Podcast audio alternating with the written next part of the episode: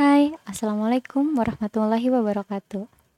Oke guys, hari ini kita akan membahas cerita horor yang ada di wilayah Indonesia. Dan BTW, kisah yang bakal aku ceritain di podcast ini adalah cerita dari mulut ke mulut. Belum ada bukti nyata ya. Walaupun begitu, beberapa orang meyakini kisah tersebut memang betul adanya. Balik lagi ke kepercayaan kalian, mau percaya atau enggak. Ya, hitung-hitung buat nambah kisah misteri kalian aja ya guys. Dan gak usah lama-lama lagi, mari kita bahas hantu Herlina. Check it out! Oke guys, memang baru-baru ini sosmed dihebohkan dengan sosok hantu Herlina yang berasal dari Lamongan, Jawa Timur. Nah, katanya si Herlina ini adalah seorang santriwati yang berasal dari sebuah pesantren di Lamongan, di mana dia digambarkan sebagai sosok perempuan yang manis, cantik, ramah, dan baik. Tapi selama di pesantren itu, Herlina ngerasa kayak nggak pernah dianggap dia ini ngerasa diacuhkan oleh santriwati-santriwati yang lain dan ustadz-ustadz yang di sana. Dan alasannya mengapa juga nggak tahu tuh guys. Pokoknya nggak ada santriwati yang mau berteman sama dia. Nah, untuk menarik perhatian teman-temannya dan para ustadz, si Herlina ini membuat rencana untuk mencuri cincin ustadz di sana. Dan setelah berhasil mencuri, dia berniat untuk mengembalikannya seolah-olah dia yang menemukan cincin tersebut. Dan hal itu bisa mengambil hati teman-temannya dan para ustadz itu, pikirnya. Rencana Herlina tersebut akan diluncurkan pada waktu pesantren sedang sepi. Pas malam harinya, si Herlina ini melancarkan aksinya dengan cara mengendap-endap dan memberanikan diri masuk ke ruang ustadz. Dia berjalan menuju ke meja ustadz dan ia yakin bahwa cincin batu akik itu ada di dalam meja tersebut. Pas dia buka laci meja si ustadz, Memang betul cincinnya di laci itu. Lalu diambillah cincin tersebut mau dimasukkan ke dalam saku. Pas mau dimasukkan ke saku, ketahuan tuh si Herlina sama salah satu santriwati yang kebetulan lewat ruang Pak Ustadz tersebut. Dan karena santriwati itu memergoki perbuatan Herlina, temannya ini berusaha menangkap Herlina dan melaporkan tindakan Herlina ke Ustadz. Lalu dibawalah si Herlina ini ke ustadz dan pengurus-pengurus pesantren lainnya. Setelah mendapat laporan itu, pengurus-pengurus pesantren langsung rapat untuk memutuskan hukuman apa yang akan diberikan kepada si Herlina ini, di mana hukuman tersebut akan diberikan kepada Herlina supaya tidak menjadi contoh santri-santri lainnya dan agar Herlina jerak. Karena saking takut dan malunya si Herlina ini, lalu dia kabur dari pesantren mengendap-endap malam hari, lalu keluar dari pintu utama pesantren. Terus dia lari tuh sekenceng-kencengnya. Waktu si Herlina kabur, bersamaan dengan waktu pengurus-pengurus dan para ustadz rapat, dan salah satu dari mereka melihat Herlina sedang kabur. Dikejarlah Herlina oleh mereka. Herlina gak menghiraukan panggilan mereka dan dia tetap lari sekenceng-kencengnya.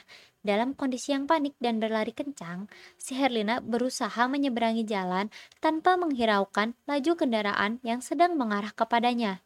Dan di waktu yang bersamaan, sebuah mobil yang melaju kencang menabrak Herlina, dan badan Herlina pun terpental jauh.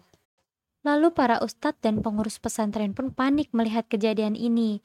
Mereka melamun tanpa bisa mengatakan apa-apa. Timbullah rasa penyesalan dalam diri mereka semua. Setelah itu, Herlina dibawa ke rumah sakit dan masuk ke ICU. Si Herlina ini dinyatakan koma. Sudah dua minggu dirawat di rumah sakit, Herlina masih belum sadarkan diri. Ayahnya si Herlina ini menunggu Herlina di rumah sakit sendirian karena diketahui bahwa ibunya sudah tiada.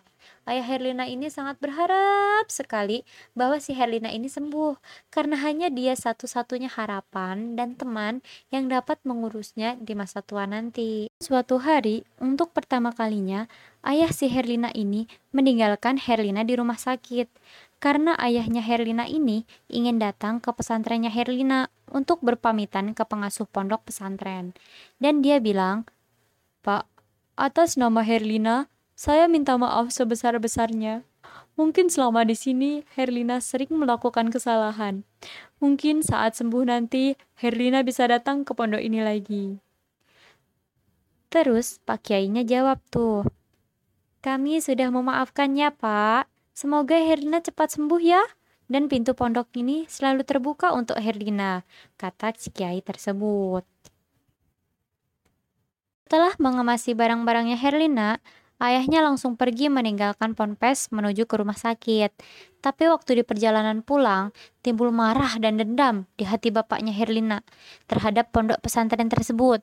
Dikarenakan pada saat ayahnya mengawasi barang-barang dan berjalan keluar pondok, Para santriwati-santriwati ini melihat sinis ke arah bapaknya. Selain itu, bapaknya juga marah ke pesantren tuh, gara-gara pesantren ini menghakimi semena-mena Herlina. Karena menurut bapaknya ini, si Herlina adalah anak yang jujur dan berusaha baik kepada teman-temannya, guys.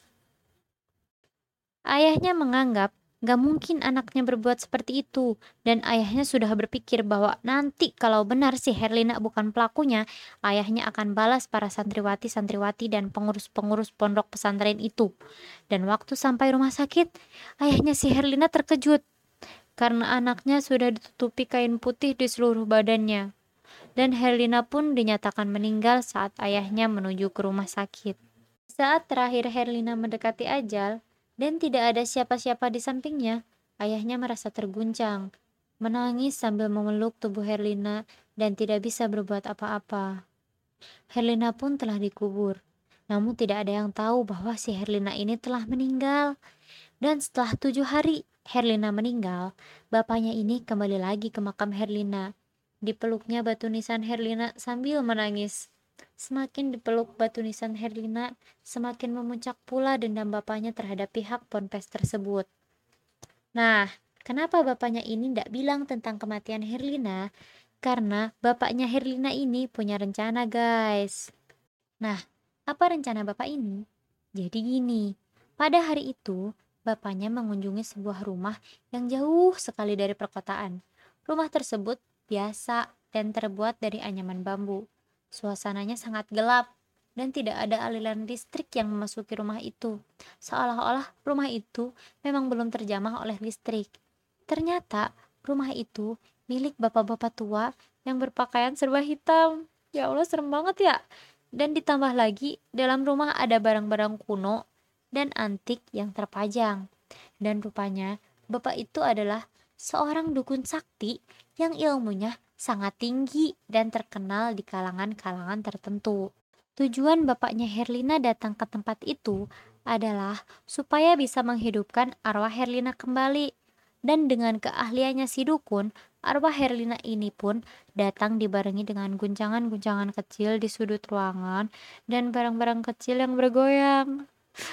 Dan setelah mendengar kesaksian si arwah Herlina, Barulah si dukun mengerti maksud bapak tersebut. Lalu si dukun menyuruh ayah Herlina kembali satu minggu lagi untuk menyelesaikan proses terakhir penghidupan Herlina. Setelah satu minggu, ayah Herlina kembali ke rumah dukun tersebut dan terkejut melihat seorang gadis sangat mirip Herlina dan sedang berbaring seolah tertidur. Setelah itu, mulailah si dukun melakukan ritual untuk memanggil arwah Herlina untuk dimasukkan ke dalam jasad mayat gadis tadi. Yang tadinya kulit gadis itu pucat, perlahan berwarna kemerahan, dan mulailah terbuka matanya. Setelah itu, si dukun minta satu syarat kepada bapaknya.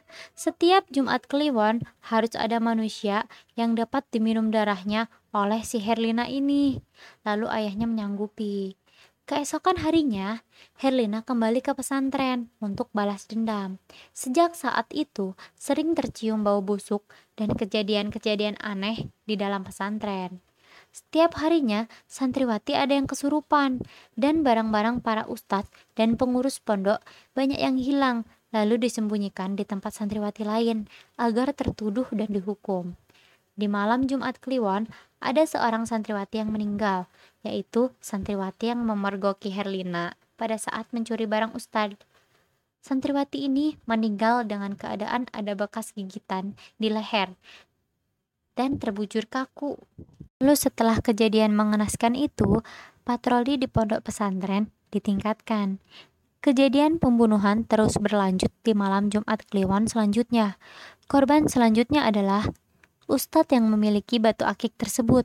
Karena pemilik pondok marah, lalu dikumpulkanlah tuh seluruh santriwan dan santriwati, termasuk Herlina. Dan saat berkumpul, si Herlina ini gak sadar kalau ada bekas darah di mulutnya dan bercak-bercak darah di kerudungnya. Salah satu santriwati yang melihat ini berteriak dan membuat keadaan di aula semakin ricuh dan heboh. Tiba-tiba, si Herlina berubah sosok menjadi hantu berbaju merah, mengeluarkan taring dan tawa yang menyeramkan. Lalu seorang ustadz berdiri dan membacakan doa dan ayat-ayat suci Al-Quran. Hantu merah tersebut langsung menatap ustadz dan semakin nyaring ia tertawa. Setelah, setelah selesai membaca doanya, ustadz tersebut memutuskan tali tasbih dan butiran-butiran tasbih tersebut dilemparkan kepada si hantu merah. Dan setelah dilemparkan, suara tawa si hantu merah berubah menjadi rintihan dan arwah tersebut terbang keluar mengitari pesantren dan ustadz tersebut mengejar hantu merah itu lalu hantu merah menghilang di semak-semak Mau percaya atau tidak, cerita yang viral ini pun sebaiknya tak Anda dengarkan ketika sedang sendirian. Bisa saja sosok si Herlina ini justru sedang duduk manis di samping Anda. Semoga uh, dengan adanya podcast ini Oke guys, sekian cerita dari hantu Herlina ini. Oh iya, uh, sumber dari cerita ini adalah YouTube-nya Nadia Omara ya. Sekian, terima kasih.